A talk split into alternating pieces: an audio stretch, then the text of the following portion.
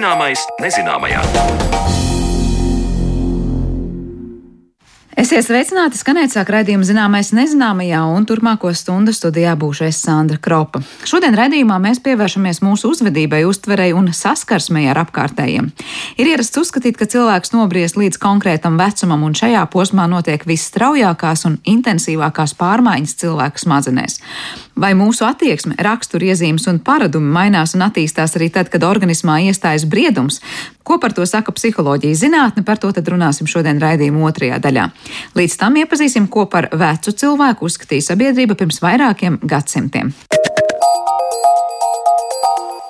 Cilvēka mūža ilgums ir bijis krietni atšķirīgs dažādos laikos. Cik ilgi dzīvoja cilvēki viduslaikos un kā dažādos sociālajos slāņos uztvēra vecus cilvēkus, kad tā laika sabiedrībā cilvēks bija vecs un vietas un kad vecs un bērnu prātā, par to Zanes Lācis Baltalksnes saruna ar vēsturnieku Andri Levānu.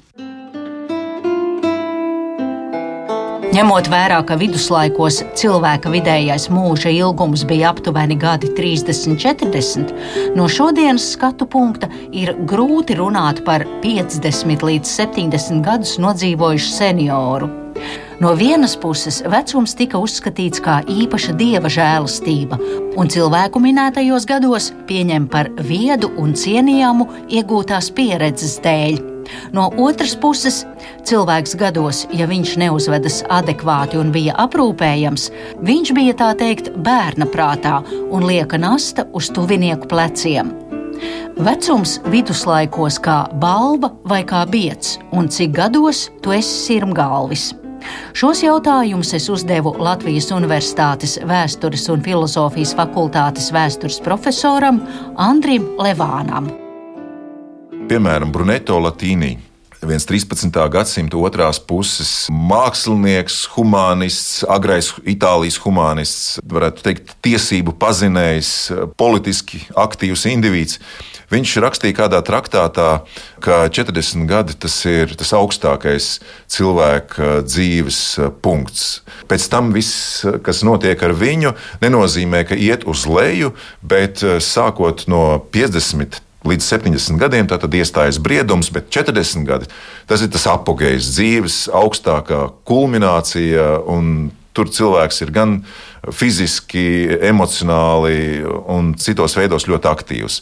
Cilvēki bieži vien, tad, kad viņiem prasīja, cik vecs tu esi, viņi nevarēja pateikt, cik viņiem ir gadu. Tas attiecas gan uz eh, bērniem, gan uz eh, pieaugušiem, tātad arī brieduma vai vecuma gados.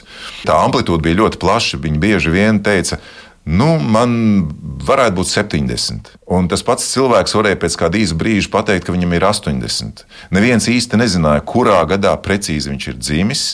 Jo tādu baznīcas grāmatu, kādas mēs zinām no 18. un 19. gadsimta, tādu vēl nebija viduslaikos, kur fiksēja cilvēka dzimšanas gadu, vietu, vecākus un tā tālāk.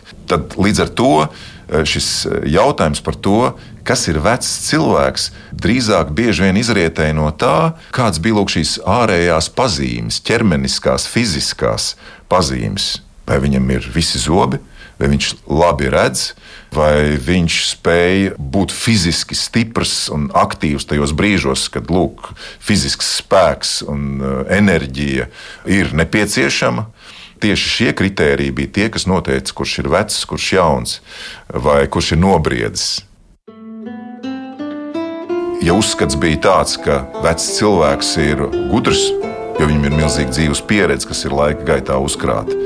Tad vai viņš ir spējīgs ar šo gudrību dalīties? Tas ir principā tas kriterijs, pēc kura nosaka, piedodiet, vērtību tam vecim vai vecenei viduslaiki. viduslaiki Ņemot vērā tā laika sadzīves apstākļus, medicīnu, vai tā dzīve ilga vispār bija tik ilga, cik daudziem cilvēkiem vispār izdevās nodzīvot? Lūk, ļoti labs jautājums. Jo Ja mēs palūkojamies eh, uz to, kā viduslaikos raugās tieši uz šo jautājumu, cik cilvēku mūžs vispār ir garš, tad jau viduslaikos uzskatīja, ka sasniegt lūk, brieduma un vecuma gadus ir īpaša dievišķa žēlstība. Jo caurmērā cilvēka dzīves garums bija apmēram 30 gadu. Tas nozīmē, ka vecumu pēc 50 gadiem sasniedza retais. Tādu cilvēku nebija daudz. Tas nozīmē, ka līdz ar to mēs varam rēķināties tikai ar mazu lūk šo briedumu gadus sasniegušo sabiedrības daļu, kas līdz ar to bieži vien ir arī politiski aktīvi. Viņi ir sociāli un politiski aktīvi šie indivīdi. Ja mēs skatāmies uz tiem, kuri viduslaikos pārsniedz to 50, vai 60 vai 40 gadu robežu, kā uz viņiem skatījās sabiedrība? Vai tas ir atkarīgs, ja cilvēki bija pārtikuši, vai aristokrāti, vai arī zemnieku būdiņā dzīvojošs vecs, 50 gadīgs vīrs vai sieva? Ja mēs paskatāmies uz dzīvi ilgi un uz sociālo statusu, uz šo, tā, šo divu lielumu savstarpējo korelāciju, tad viennozīmīgi runa ir arī par to, kādai sabiedrības kārtai indivīds vai individu grupa pieder.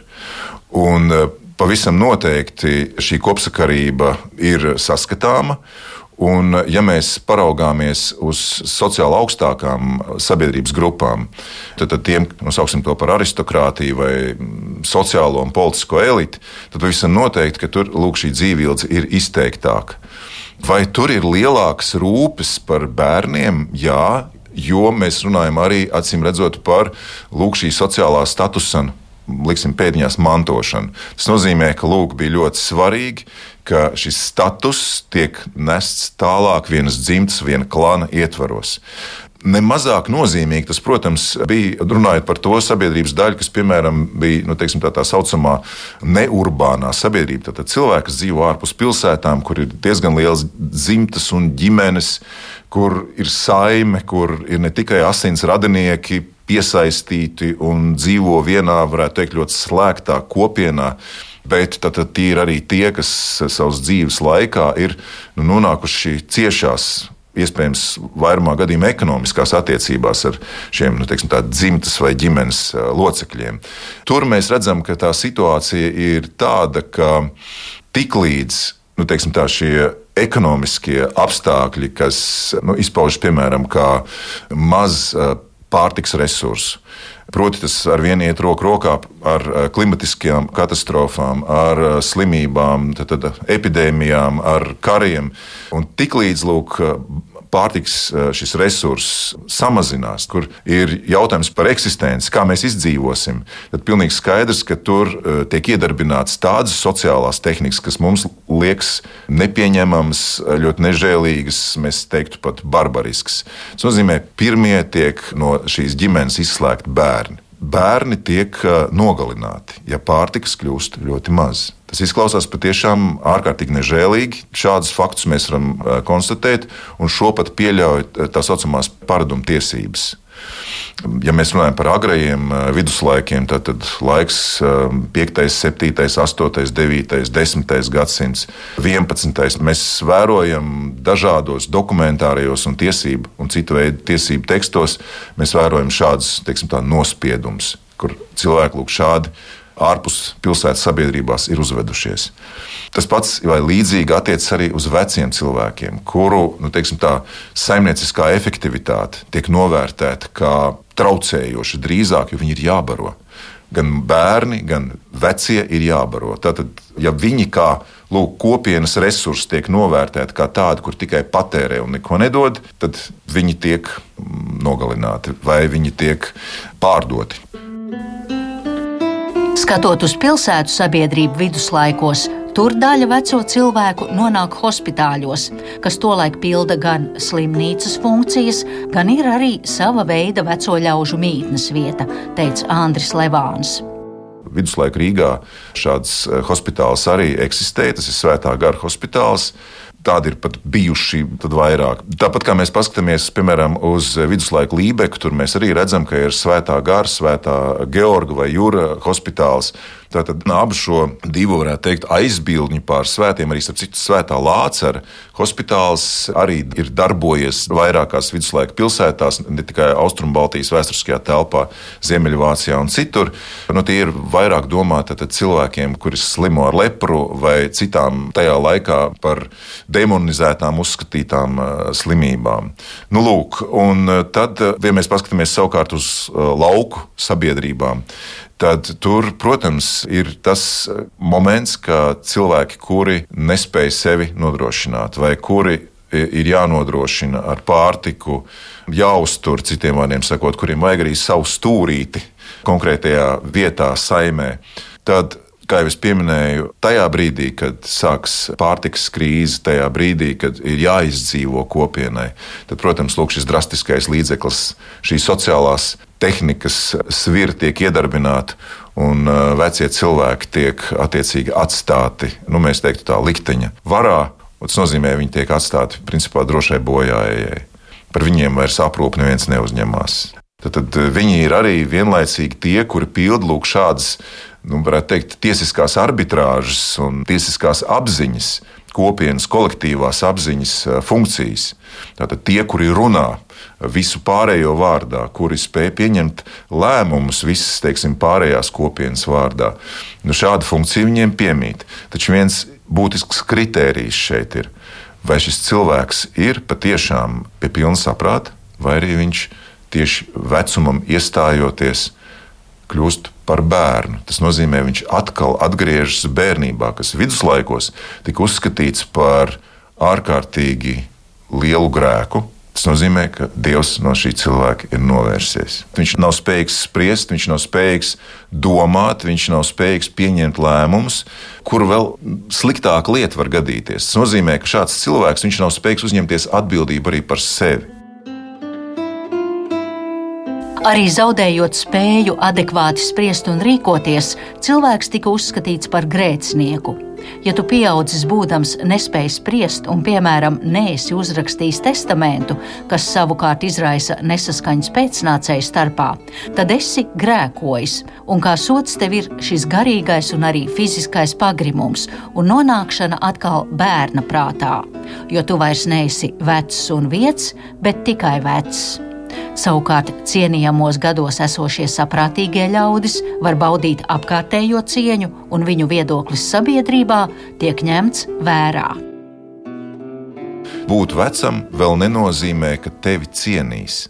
Tik tiešām, arī lasot eh, viduslaika tiesību tekstus, mēs ieraugām, ka individam ir jābūt šajā laikā līdz tam vecumam, jeb līdz tam brīdim, kad iestājas vecums. Tad cilvēkam ir lūk, šis sociālais, simboliskais kapitāls jāuzkrāj, lai viņš kļūtu par autoritāti, lai ar viņu viedokli, lai ar viņu domām rēķinātos, lai varētu patiešām teikt, mēs zinām, ka viņš zina kā rīkoties vienā vai otrā situācijā. Pie tam viņš jau nav atsevišķs, teiksim, kā indivīds, pie kura tagad ies un teiks, nu, pasak man, lūdzu, vienu prātīgu padomu. Viņi ir, varētu teikt, kā kopiena šie vecie. Nevelti mēs eh, redzam, ir tāda vārdkopa seniores et meliores, kas gan historiogrāfiskajos tekstos, gan eh, tiesību tekstos ik brīdim parādās. Un mēs bieži vien jautājam, kas tā ir par sabiedrības grupu. Tā ir sociālā un patiesībā arī politiskā elite, kura lūk, runā un spriež kopienas vārdā. Tātad šie ir tie godājamie un šie vecie, Protams, mēs varam šeit spekulēt, cik viņiem ir gadu, vai, viņi ir, vai viņiem ir 60, vai viņiem ir 70, vai viņiem ir 80. Tas netiek pateikts eh, vai netiek nosaukts ar eksaktiem skaitļiem, cipariem vai vēl kaut kādā citā veidā. Bet tā, tā ir tā grupa, kas ir uzkrājusi šo simbolisko sociālo kapitālu savas dzīves laikā. Tad mēs runājam, tie var būt pilsoņi, kur ir bijuši sociāli aktīvi, politiski aktīvi. Tātad tādi individi, kuri ar vienu ir angažējušies kopienas labā un kopienas uh, interešu dēļ. Un, ja es esmu vienkārši vecs, nu, tad es esmu vienkārši vecs, savu dzīvi nodzīvojis, nepamanāms, un tāds es arī aiziešu, kā nepamanāms. Un ļoti iespējams, ka tā būs liela laime, ja kopiena par mani uzņemsies atbildību un par mani gādās. Kaut arī es savas dzīves laikā iespējams par kopienu esmu licies zinis vai uzņēmies kaut kādu atbildību visai maz, vai varbūt vispār nemaz.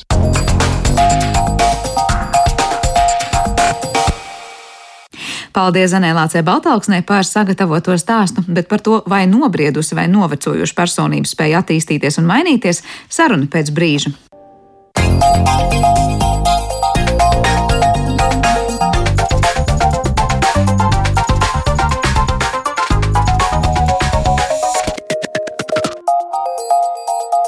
Zināmais nezināmajā.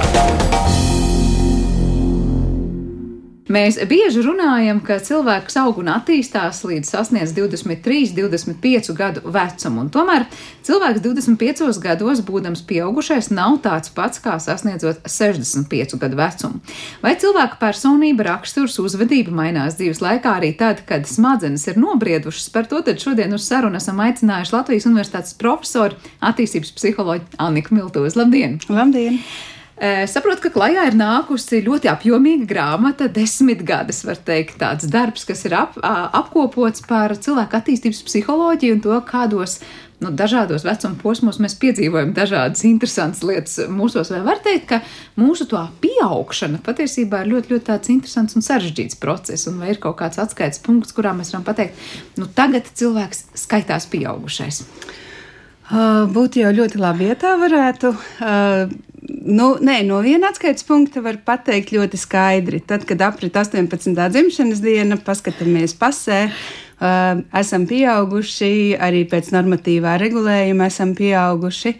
Uh, bet tie procesi nu, nav gluži tik vienkārši. Nav tā, ka 18. dzimšanas dienas rītā mēs esam pilnīgi citādi, kā bijām 17. gada pēdējā dienā. Uh, nu, lūk, un nu, vispār attīstības nu, tajā visā ceļā par to pieaugšanu nav tik viennozīmīgi. Agrāk bija vienkāršāk, jo Uh, nu, es domāju, agrāk, senākos laikos, tad, kad no jauna cilvēka vairāk sagaidīja, ka viņš agri sāks strādāt, palīdzēs saimniecībā, tad tur bija tā kā, nu, mēs tikām ātrāk mudināti pieaug, pieaugt. Mūsdienās nu, tas viss notiek krietni tā Izplūdušāk.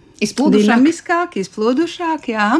Un, nu, kādā brīdī arī attīstības psihologi saprata, ka nu, ir kaut kas jāmaina tajā skatījumā. Un, ja nemaldos, to 2000. gada pat šobrīd attīstības psiholoģijā ir ieviests jauns vecuma posms kurš uh, ir nosaukts, nu, angļuiski tas saucās emerging adulthood, kas nozīmē, nu, latviski tāds kā topošā, pieaugušā vecums, uh, kur uh, šobrīd, nu, var teikt, tā ir pilnīgi legāli jauniem pieaugušajiem, arī pēc 18 gadu vecuma, vēl nebūt absolūti pieaugušiem. Bet kur ir tā robeža, ko mēs saprotam, kas piedienas tam, uh, kā tur bija topošam pieaugušajam, ja? un kas, ko mēs sagaidām jauno pieaugušā? pieaugušā? Mm -hmm. Uh, nu jā, redz, tur ir vēl viena lieta, ka agrāk kā kritērija pieaugušamībai kalpoja tādi nu, diezgan taustāmas lietas, nu, piemēram, finansiālā neatkarība, uh, ģimenes dibināšana, bērnu piedzimšana. Un tad, kad tu to dzīvē visu realizē, tad ir skaidrs, ka tu jau nu, iegrupējies pie tiem pieaugušajiem. Nu, jā, bet mūsdienās uh, nu, arī Bērni dzimst ļoti dažādos laikos, cilvēki precās ārkārtīgi dažādos laikos, un tie vairs nav īsti kriteriji. Un pētījumos šobrīd nu, tādi pieaugušamības kriteriji tiek izmantoti uh, spēju uzņemties atbildību, spēja uh, nu, dzīvot sociālā vidē, m, pielāgoties, rēķināties ar citiem cilvēkiem. Uh, nu, lūk, Un uh, ir skaidrs, ka jauni pieaugušie, nu, viņi tā kā varbūt nevienmēr to veiksmīgi dara, un tāpēc ir šis jaunais vecumposms. Un es tūlīt pastāstīšu, kas ir nu, tādas pazīmes, kas tam topošo pieaugušo vecumam ir raksturīgi. Uh, nu, jā, tad, tad pirmkārt. Uh, turpinās nu, tāda identitātes meklējumi. Jo arī nu, tādās senākās teorijās pastāvēja uzskats, ka cilvēkam ir jāatrod savu identitāti, nu, jāsaprot, kas es esmu, ko es gribu dzīvē darīt, eh, kas, kāds es būšu. Uh, nu, tā kā arī ar to pilngadību tas būtu jāsaprot. Mūsdienās uh, jauni pieaugušie, viņi drīkst ilgāk sevi meklēt. Mēs esam iecietīgāki, uh, nu, teiksim, ka jaunietis pēc skolas tur pastudē vienā mm, studiju programmā, saprot, ka nepārāk, pastudē otrā, pēc tam vēl kaut kur maina. Līdz ar to šim posmam uh, ir raksturīgs nu, tāds pagarināts meklēšanas laiks. Joprojām mūsdienās diezgan daudzi jauni pieaugušie neraujās prom no vecākiem, turpina dzīvot kopā ar vecākiem. Un tā kā no vienas puses, tad, kad viņiem ir izdevīgi, es esmu neatkarīgs, no otras nav, puses mēs esam tad, ļoti pieauguši. Tad. Bet te man precizējoši jautājums, nu nevienmēr visi pieaugušie, es domāju, krietni virs 40, 50 gadu vecuma sasniegšanas, varētu godīgi atbildēt uz jautājumu, vai tu esi sapratis tur savu īsto vietu dzīvē, aicinājumu un tā tālāk. Mm -hmm. Kas tad notiek? Vai mēs varam teikt, ka tas cilvēks ir iesprūdis kaut kur kaut kādā savā attīstības posmā, vai viņš vienkārši, nu, nezinu, kādu apstākļu dēļ nav sajūtis tur dzīvē to savu īsto vai karjerā aicinājumu, vai, nezinu, dzīves jēgu sajūtas un ko citu? Um, īstenībā tur ir vairākas lietas. Um, šobrīd par to pagarināto pusauģu vecumu, nu tā varētu teikt, ja? um, mēs runājam tādā kontekstā, ka cilvēkam nu, kurš pirmoreiz meklē šo savu identitāti.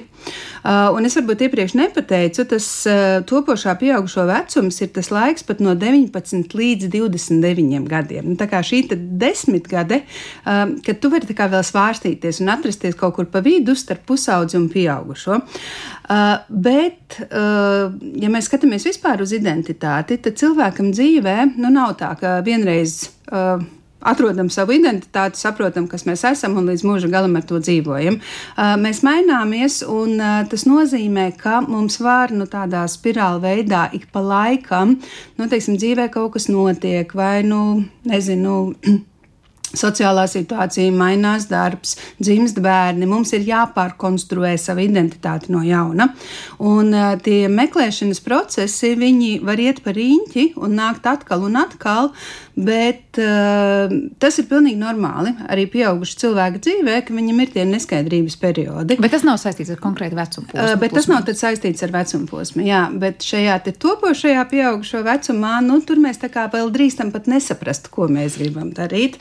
Nav... Bet tie, kas, atvainojos, tie, kas jau, piemēram, nu, izteikti agri sajūto savu aicinājumu, nu, kaut vai to pašu karjeras izvēlē, ir jaunieši, kas jau 11 gados pilnīgi noteikti zina, kas viņi grib būt un to, to arī intensīvi iet, mēs varam teikt, tur tā pieaugšana ir notikusi ātrāk, vai tas ir atkal pilnīgi citi mehānismi, kas to nosaka? Uh, skaidra identitāte varētu būt viens no pieaugšanas kritērijiem, uh, bet tur ir arī, protams, citi. Nu, tātad šī atbildības uzņemšanās spēja, Uh, par sevi, par saviem lēmumiem, un, un uh, tā pati finansiālā neatkarība, jeb vispār neatkarība savos spriedumos, uh, nevienmēr tas iet roku rokā ar tādu identitātes skaidrību. Tā tas ir, jā. Tu pieminēji šo atbildību. Es saprotu, tu neesi neiroloģis, tev neprasīšu daudz par smadzeņu uzbūvi vai daudz ko citu, bet varbūt lielās līnijās tu vari viest skaidrību. Vai tā ir tiesa, ka mūsu spēja uzņemties atbildību ir lielā mērā saistīta ar tām pārmaiņām, kas notiek mūsu smadzenēs? Smadzenēs, un tiešām tajā pusauģu vai agro 20 gadu vecumā mums tikai tad nobriest līdz galam. Tagad nepateikšu, kuru precīzi tur pieres daiva, kas prefrontālā garoza. Kas jā. ir saistīta mm -hmm. tiešām ar atbildīgiem lēmumiem. Uh, jā, jā, tieši tā, jo. Uh, tagad mēģināšu pateikt precīzi. Uh, pusauģu vecumā uh, ir raksturīga tāda nu, attīst, smadziņu attīstības nesaskaņotība, ja tā var teikt. Jo zemgarozas uh, struktūras, kas atbild vairāk par tādu emocionālo sfēru un atalgojumu sfēru, viņas nobriest ātrāk, un savukārt pieres daiva uh, nobriest lēnāk. Un uh, ar to arī ir izskaidrojums, kāpēc, piemēram, pusauģiem tieši vairāk ir raksturīga nu, kaut kāda šī riskantā uzvedība, jeb ka viņi kaut ko jūt, uzplūdā izdara, un, un, un uh, vienkārši tā kontrola netiek līdzi. Un savukārt, tiešām nu, tā pieredze daiva, jā, tā nobriešanas procesi tur iet lēnāk un tiešām līdz pat 25 gadu vecumam. Uh, protams, vienmēr ir kaut kādas individuālās variācijas, bet nu, tas tā vidēji. Un, un, uh, jā, uh, nu, mēs līdz ar to saprotam, kāpēc nu, tādi jauni, pieaugušie līdz 25, nu, tur varbūt varētu būt grūti vēl ar to nu, tādu atbildības uzņemšanos, vai tiešām tādu ļoti pieaugušu skatu uz dzīvi, jo, jo vienkārši smadzeņi, smadzenes, jā, viņas iet savu attīstības ceļu. Kā mēs sakām, ir līdz noteiktam vecumam, kad tur mūsu kauli beig, beigās vēl aug un nobriest un veidojās, kad savukārt notiek izmaiņas smadzenēs, nu, konkrētās mm -hmm. vietās, kas ir ļoti cieši saistīti ar mūsu konkrētiem lēmumiem un attieksmēm. Nu jā, arī ar, ar, ar ne tikai atbildību, ar spēju plānot, ar spēju paredzēt, kontrolēt, uh, regulēt savu uzvedību, regulēt savas emocijas. Uh, un, protams, nav jau tā, ka mēs esam tādi 25 gados un vispār dzīvē vairs nemainamies. Izmaiņas notiek, jo joprojām uh, mēs varam runāt par smadziņu plasticitāti. Jo pretējā gadījumā nu, mēs neko iemācīties dzīvē nevarētu. Ja? Nu, smadzenes joprojām mainās, un īstenībā smadzenes ir ļoti, nu, teiktu, sociāls orgāns. Jo, jo viņas nu, pielāgojās apkārtējai videi un, un, un palīdz līdz ar to mums pielāgoties. Ja? Nu, lūk, uh, izmaiņas notiek, bet nu, viņas, protams, uh, pieaugušo vecumā uh, ir, ir krietni mazākas nekā tas ir teiksim, zīdaiņa vecumā, bērnībā, jā, kad smadzeņu plasticitāte ir ļoti, ļoti augsta. Tur laikam vecumā vairāk ir jāpiespiežas uzturēt to plasticitāti un trenēt vai kaut kā tādu. Arī veidā. taisnība. Jā, jo, jo tieši pētījumos par senioru vecumu nu, tur ļoti skaidri parādās tas, ka cilvēks, jo ir vairāk visādā veidā aktīvs, gan fiziski aktīvs, eh, kas, eh, protams, veicina labāku asinsritī un, un, un arī tā skaitā smadzeņu eh, apasiņošanu, gan kognitīvi aktīvs. Nu, šīs ir tās lietas, kas tā kā var nu, bremzēt smadzeņu nu, neirodeģenerāciju deģeneratīvās izmaiņas, nu, kas eh, mums lielā mērā ir bioloģiski noteiktas. Ja? Nu, teikšu vienkārši, vai mums būs demence vecumā vai nebūs. Ja? Uh, nu, lūk, bet tās aktivitāte ikdienas viņa tos procesus var palēnināt. Kā palēnināt novecošanu nedaudz. Nu, jā, jā. Bet uh, kas notiek pēc tiem 25, 29 gadiem? Nu, kā tajā brīdī, teiksim, tā ir izveidojušās visas tās garo uh, daivas, tā kā ir vajadzīgs atbildība ir, viss notiek, un tu teici, protams, ka izmaiņas notiek. Kuros aspektos pēc tam ir kaut kāda, varbūt attīstības psiholoģijā noteikti posmi, par kuriem īpaši pētnieki tur domā vai, vai, vai apcer? Kāda ir tā mūsu dzīve pēc tiem 29 gadiem? Dzīve beiga foršā īstenībā. Tas ir ceļš vaļā. Jā.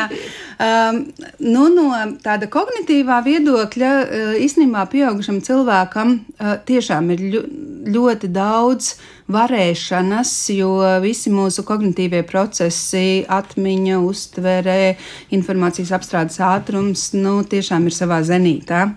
Uh, mēs varam ļoti daudz ko izdarīt. Arī saturiski, teiksim, pieaugušo domāšana atšķirās no, piemēram, pusauģu domāšanas, jo mums ir nu, jau pieejama tāda domāšanas relativitāte, kas nozīmē, ka nav vairs tikai melns un balts. Mēs varam nu, redzēt arī, arī citas nokrāsas. Un, un, piemēram, eh, es te baidos nokļūdīties, Jā, Ženēvas Universitātes profesore Gizela Lebovija Vīfa. Eh, viņa eh, kā reiz aprakstīja šo domāšanas relativitāti. Tur bija tādi interesanti eksperimenti, ka cilvēkiem dažādos vecumos stāstīja stāstus, visdažādākos. Un, piemēram, viens stāsts ir par par sievieti vārdā Mērija, kurai ir vīrs vārdā Džons, kuram patīk iedzert. Viņiem ir trīs bērni, un, un Mērijai jau ir apnicis, ka Džons katru dienu dzer. Viņa viņam uzstāda ultimātu, ka nu, tagad nākamreiz, ja tu atnāks piedzēries, es visu ņemu bērnus un eju projām. Uh, un, protams, Džons nākamajā dienā atnāk piedzēries, jau darbā ir balīte, un tad cilvēkam jautā, nu, ko tagad Mērija darīs. Un pusauģi Uh, viņiem biežāk ir tāda taisnvirziena domāšana. Viņi saka, kā mērīt ņems bērnus un ies projām, jo viņi taču solīja to darīt. Un savukārt pieaugušie nu, aizdomājas, uh, tur, tur ir dažādi. Vai, vai vispār mērija ir, kur iet, vai šis nav gadījumā jau pa 17. Drau, solījums, ja? vai viņi cik reiz jau iepriekš ir solījusi un, un cik ilgi viņi vispār ir kopā. Restīvi, pieaugušie ir gatavi nu, apskatīt situāciju no vairākām pusēm un arī īstenībā tolerēt krietni vairāk nekā nekā varbūt uh, agrākā vecumā, kad cilvēks ir tāds ļoti nu, maksimālists savā domās. Tas atšķir pieaugušo domāšanu, piemēram, no pusauģu domāšanas. Man liekas, kāds no taviem kolēģiem vai tik no šajā raidījumā mums arī stāstīs par uh, pusauģu domāšanu, kur tiešām saka, ja pusaudzim pasaka kaut ko, kas varbūt ir tur ļoti kritisks vai kā citādi, viņam tiešām tajā brīdī tās ir teju pasaules beigas, dzīves beigas, jo tā uztvere tiešām ir ļoti tāda, nu, radikāla, kardināla. Proti, ka pieaugušiem varbūt pateiks būs nepatīkami vai, nu, mēs, protams, izdzīvosim kaut kādas emocijas, ko mums kaut kādi vārdi vai vērtējumi var, var, var, var radīt, bet pusaudzim tas tiešām būs gandrīz vai nu, līdz pat pašnāvībām var aiziet. Tieši tā, un tas ir saistīts arī ar šo identitātes stabilitāti, jo uh, identitāte īstenībā nozīmē tādu viengabalainu priekšstatu par sevi. Uh, un tajā viengabalainajā priekšstatā tur var savienoties ļoti dažādas lietas, uh, kur, piemēram, ja man kāds, nu, piedodiet, nolamā mani sliktiem vārdiem, jo es esmu uzgrūdusies virsū. Eh, es tenī brīdī nejūtos kā pazudusi, jo, jo es zinu, ka man ir vēl ļoti daudz dzīves sfēras, kur, kur man iet labi, es esmu forša un, un, un, un man viss ir kārtībā. Bet uh, cilvēkam ar neskaidru identitāti, jeb arī ar identitāti, kur vēl tikai tā kā veidojās, uh, tas viens trieciens var būt tik jaudīgs, nu, ka viņam sabrūk viss, ja, un viņam liekas, viss nekad, nu, man tagad nolamāja, man ir jāiet darīt gals, ja. Nu, labi, es pārspīlēju, protams, bet, jā, eh, jo ir stabilāka arī identitāte cilvēkam tāda, nu, stabils priekšstats par sevi dažādās dzīves jomās, dažādās sociālajās lomās, ko mēs pildam, jo mēs esam arī, nu, tādi izturīgāki. Mēs parasti laikam sakam tur pašapziņu vai pašvērtējums, bet tā patiesībā tad ir identitāte. Nu, paša, pašapziņu un pašvērtējumu arī neviens nav atcēlis, tie visi iet roku roku rokā, jo tie ir šie te, nu, tie paši self priekšstati par sevi. Tur, tur ir ļoti daudz vis, visādi jau psiholoģijā no to konstruktu, ko mēs tur ķibinām. Var teikt, ka tā identitāte ir kaut kāds tāds viengabalains tiešām, nezinu, koncepts par to, kas es esmu mm -hmm. un kāda es esmu, un savukārt tur pašvērtība un tas, kā es sevi redzu, izjūtu un tā tālāk ir tā kā, nu, dažādi šie koncepti. Viņi ietilpst identitātē. Kopā vēl ar dažādām personības iezīmēm, kas, kas arī vēl, jā, mainās līdz ar dzīvi, lai gan lielā mērā personības personības iezīmes mums paliek stabilas, bet līdz ar vecumu tomēr kaut kas tur mainās. Tad te laikam jāvieš arī skaidrība, ko mēs saprotam šajā gadījumā ar personības iezīmēm. Es pieņemu klausoties, un kas nav psiholoģijas zinātnē iedziļinājies, varbūt nesaprot, kur ir raksturiezīmes, personības iezīmes, temperaments, tas ir viens un tas pats, nav tas pats. Ko mēs saprotam ar personības iezīmēm, kas mainās dzīves laikā? Mēģināšu ieviest skaidrību. Tātad ar temperamentu mēs piedzimstam. Tas ir tas bioloģiskais pamats, uz kuru tālāk dzīvē dzīvojot un vides eh, nu, ietekmes rezultātā, nu, mums eh, pieaugušo vecumā nostabilizējas tādas, jā, mēs viņus saucam psiholoģijā par personības iezīmēm. Sadzīviski to biežāk sauc vienkārši par raksturu. Eh, tā kā, bet, bet nu jā, zinātniski, jā, mēs sakām personības iezīmes vai reizēm personības īpašības. Nu jā, un te ir runa par tādām nu, fundamentālām cilvēkam piemītošām īpašībām, kuras vijas cauri visai dzīvei un kuras tomēr nav tik viegli izmainīt, bet nu, ir kaut kādas atsevišķas tendences, ko mēs dzīvē varam novērot. Nu, Protams, ar gribas spēku, person... ja mēs gribam kaut ko mainīt. Uh, nu, vai tikai ar gribas spēku, reizēm atkal sociālā situācija piespiež. piespiež jā. Jā. Nu, jā, un tad par ko mēs runājam? Uh, Varbūt ir dzirdēts par uh, nu, tādu diezgan populāru piecu faktoru personības iezīmju modeli, uh, kur ir runa par uh, vienu faktoru, tādu emocionālā stabilitāti, jeb neirotismu, nu, kas nozīmē, cik mēs esam vispār tādi trauksmaini, jā, vai, vai raizējamies par visu kaut ko. Tad par labvēlīgumu, kas nozīmē tādu pozitīvu attiecību veidošanu ar citiem un tādu. Uh, nu, jā, tādu pozitīvu attieksmi pret apkārtējiem, tad um, atvērtība pieredzēji, respektīvi, cik uh, cilvēks nu, ir gatavs uh, jaunajam, jaunajam jā, mācīties, uh, apgūt izaicinājumus, jeb gluži otrādi, nu, vairāk baidās. Jā, un, un, man liekas, vēl bija ekstraversija un, un arī parasti mēs, apzinīgums. À, mēs parasti kaut kur vēl šos narcismus liekam klāt. Tas ir kaut tas ir cits. kaut kas cits, tās nav tādas pamata personības. Tad var teikt, jā. pēc šīm te piecām lietām mēs patiesībā katrs sevi varam mērīt un redzēt tādā skalā, no kur nu mēs esam, un tad dzīves laikā mēs pa to skalu pārvietojamies katrā no šiem iezīmēm. Es teiktu, ka viņas paliek diezgan noturīgas, jo, eh, pers, kā jau es teicu, personības iezīmēm pamats ir bioloģisks. Ja, mums viņas ir diezgan lielā mērā bioloģiski, nu, ģenētiski noteiktas. Bet tas, ko rāda tādi longitudināli pētījumi dzīvē, ka līdz ar vecumu uh, mums uh, paliek augstāki šie emocionālās stabilitātes rādītāji, apzinīgums un labvēlīgums. Un tie ir tādi nu, sociālā brieduma rādītāji. Un, uh, es tur vēl pabeigšu domu, un ļoti interesanti starpkulturālos pētījumos, piemēram, ir parādījies, ka šīs īpašības, uh, nu, šīs personības iezīmes, viņas uh, ātrāk nu, tie radītāji paaugstinās valstīs, kur cilvēkiem agrāk ir jākļūst patstāvīgiem. Nu, respektīvi, te ir stāsts par to, ka pamatā ir bioloģija, kāds tu esi, bet tomēr tā sociālā vide, kultūrālā vide, kurā tu dzīvo, viņas tomēr tās personības īpašības nu, kaut kādā pabīda, nu, pa, pa, pabīda vai, vai apslāpē. Vai, jā. es par to labvēlību, kad uh, izdzirdēju, gribēju pavaicāt, uh, es nezinu, ko saka pētījumi, bet tikko tu teici, tad kļūst ar vecumu tā kā labvēlīgāks. Mm -hmm. uh, daudz ir teikuši, un pašai nācies novērot, ka liekas, ka uz vecumu tieši cilvēki kļūst tādi īgnāki un neapmierinātāki varbūt ar, ar dzīvi un pasauli, vai tas ir tikai tādas nu, subjektīvas uh, sajūtas mums katram, kas to ir novērojis, vai ir pamats domāt, ka parasti saka, nu, uz vecumu vecumu tur cilvēki neapmierināti ar visu pēc kārtas? Es teiktu, ka nē. Nekas nav tik viennozīmīgi, lai visu varētu ielikt vienkārši vienā grozā. Uh, tātad uh, sašķirosim. Personības iezīme pētījumos parādās jā, šīs personības iezīme izmaiņas pa, pa vecumiem, bet tieši senioru, senioru vecuma pētījumos atkal uh, parādās tas, ka teiksim, īpašības vispār, kas cilvēkam ir vairāk bijušas raksturīgas dzīvē, uz vecumu viņām ir tendence pastiprināties. Un, respektīvi, ja tu esi bijis nu, diezgan tāds eh, negatīvi noskaņots un nepārāk labvēlīgs, ja, Uh, tad varbūt visiem pārējiem viņiem tā labvēlīgi pieaug, bet nu, tavā gadījumā, nu, jo vienkārši mēs vecumā paliekam neelastīgāki. Ja? Proti, tas, kas un, ir dzīves laikā bijis, tas uh, var kā var, zem lupas panākt. Jā, ārā, jā, ja cilvēks, kurš ir bijis nu, diezgan taupīgs visu mūžu, viņš uz vecumu var palikt rīktīgs kops.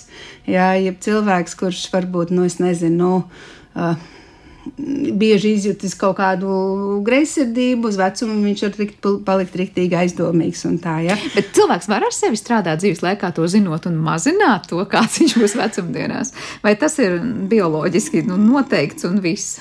Nē, nu vienmēr jau var ar sevi strādāt un var jau mēģināt sevi mainīt, jā. Uh, bet vecumā mums vispār ir vairāk raksturīga tāda, es domāju, tieši senioru vecumu, uh, raksturīga vairāk neelastība.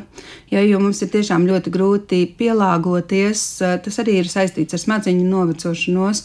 Un eh, nevelti, piemēram, atkal druskuļi no kognitīvās puses. Um, um, samazinās uh, fluīdā intelekta spējas.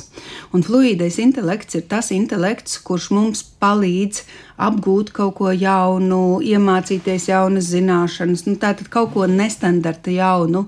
Um, nu, jā, papildināt sevi ar kaut kādām nestandarta jaunām lietām.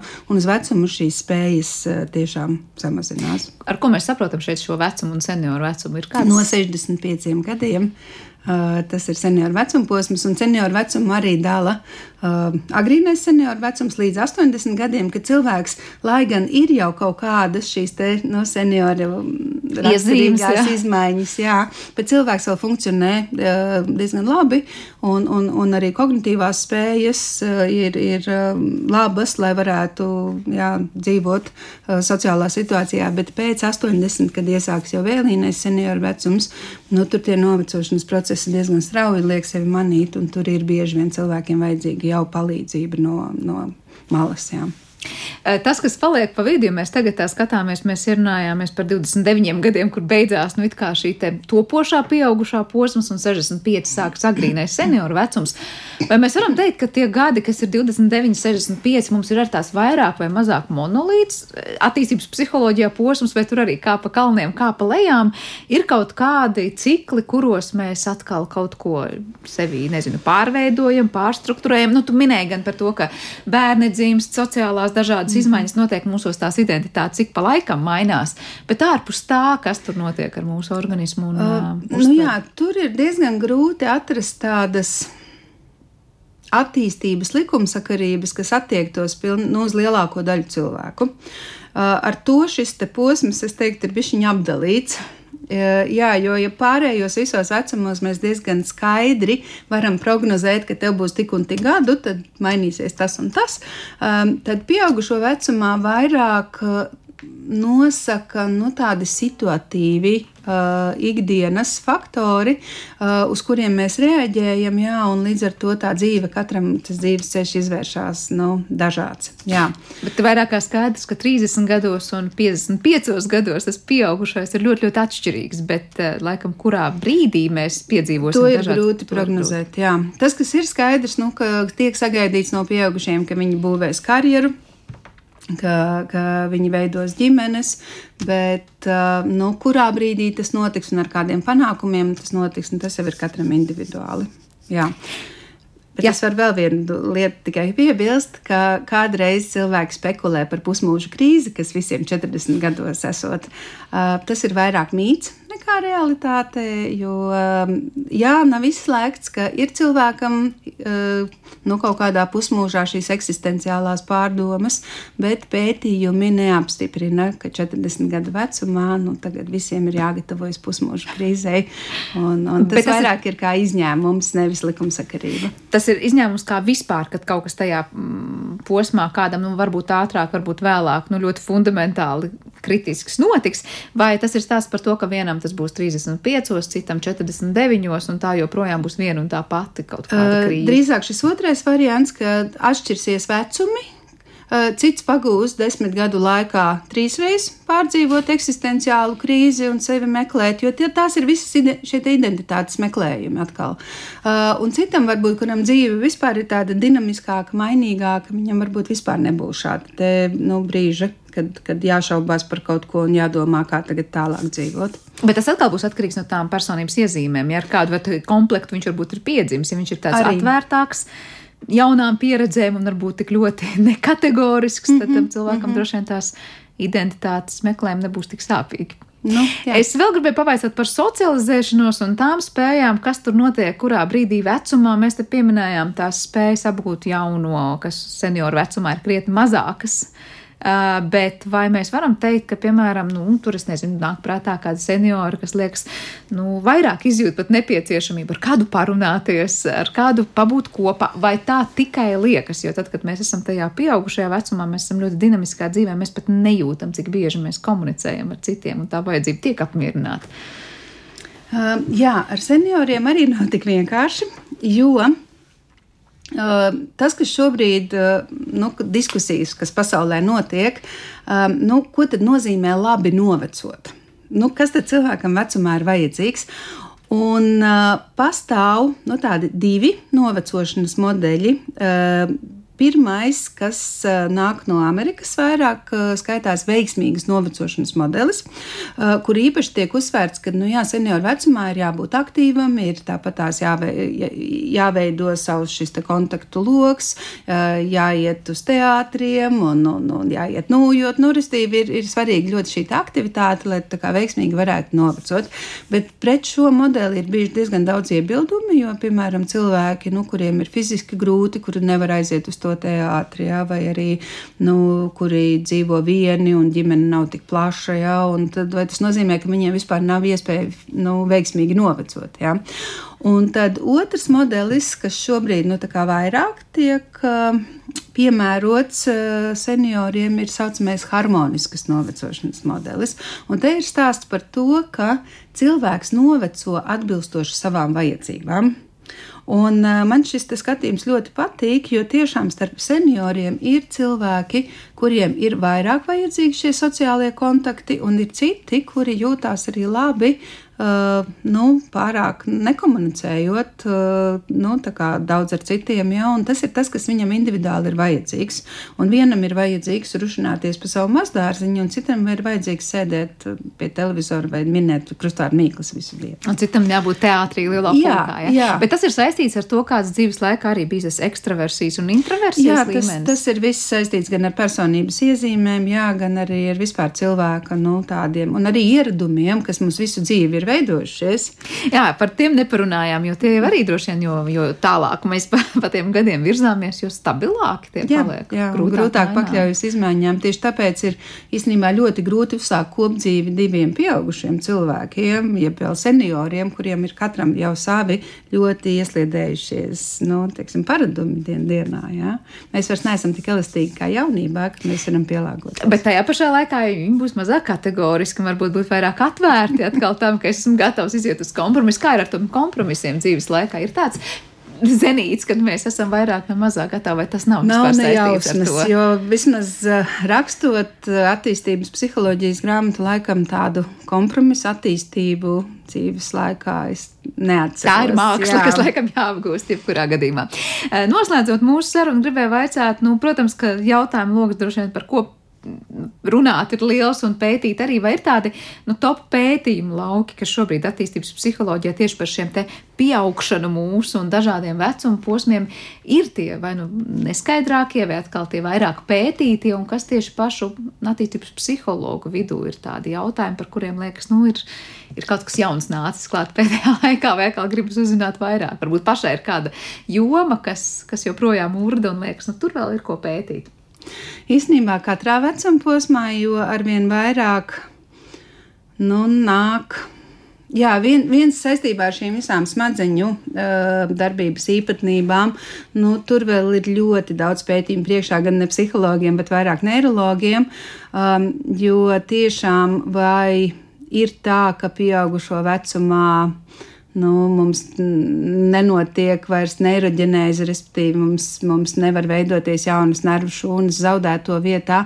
Un, nu, cik es zinu, tomēr ir norādes, jā, ka mums no, arī atsevišķi neiroģenēzes procesi pieaugušo vecumā notiek, un šie pētījumi ir ļoti svarīgi uh, tieši šo nu, dažādo neirodeģeneratīvo saslimšanu gadījumos, piemēram, Alzheimera slimības uh, pētīšanas gadījumos, jā, kā mēs varam palīdzēt cilvēkiem. Uh, nu, lūk, tā kā tur vēl nu, būs daudz, daudz. Tad uh, vēl viena joma, kas ir veca īstenībā attīstības psiholoģijā, bet uh, joprojām ļoti aktuāla, ir šo bioloģisko un vidas faktoru savstarpējā miedarbība. Uh, jo Nu, šobrīd jau nevienam vairs nav šaubu, ka mēs esam piedzimuši ar šo bagāžu, ja, mums, eh, kas mums ir gēnos ielikta, uh, un kā uh, miedarbībā ar apkārtējo vidi, tā tad vai nu tie gēnu, gēni noteiktā veidā izpaužās, bet kāpēc vienam cilvēkam izpaužās, otram neizpaužās, un kā tur notiek tie miedarbības procesi. Tā aktualitāte, man liekas, būs, būs visu laiku. Un konkrēti ar vecuma posmiem, nu, katrs vecuma posms ir interesants, jā, jo, piemēram, par šo topošo pieaugušo vecumu. Um, notiek diskusijas, jā, ka, nu, piemēram, tādu, nezinu, noslaistīšanos jaunu pieaugušo vecumā tu vari atļauties tikai nu, tādās attīstītākajās valstīs. Un, un savukārt valstīs, nu, kur ir zemāks ekonomiskais stāvoklis, nu, tur nav laika meklēt savu identitāti gadiem ilgi. Nu, tur, tur vienkārši ir jāiet un jāstrādā. Nu, jā, bet tas nenozīmē, ka tas cilvēks viņu ir atradis vai jūtas pašpietiekams ar to, kāds viņš ir tajos, piemēram, 22 mm. gados. Varbūt viņš strādā, viņš izpild visus tos kritērijus par finansiālo neatkarību vai ģimenes uzturēšanu. Bet kas notiek? Vai viņš ir viņā? dzīvi apmierināts? Jā, nu, lūk, bet, bet Latvijā visas šīs jomas ir pilnīgi jaunas, jo nu, mums jau tā psiholoģija nav pārāk sena zinātnē, jā, tā kā mums ir kur tiekties. ir ko pētīt. pētīt jā. nu, ko mēs gaidām arī nākamos pētījumus un nākamās apjomīgās grāmatas, kad pētījuma rezultāti tiks apkopoti. Es atgādinu, ka šajā raidījuma pusstundā mēs bijām kopā ar attīstības psiholoģiju un Latvijas universitātes profesoru Aniku Miltūzu. Anika, liels paldies, kā atnāc un pastāstīji par lietām. Ar to arī arī šis raidījums ir izskanējis, un par, paldies par to teikšu arī producentē Paulai Gulbinskai, mūzikas redaktoram Girtam Bišam, bet studijā jums kopā visu šo stundu bija Sandra Kropa, un ceru tikties ar jums jau atkal rīt. Visu labu!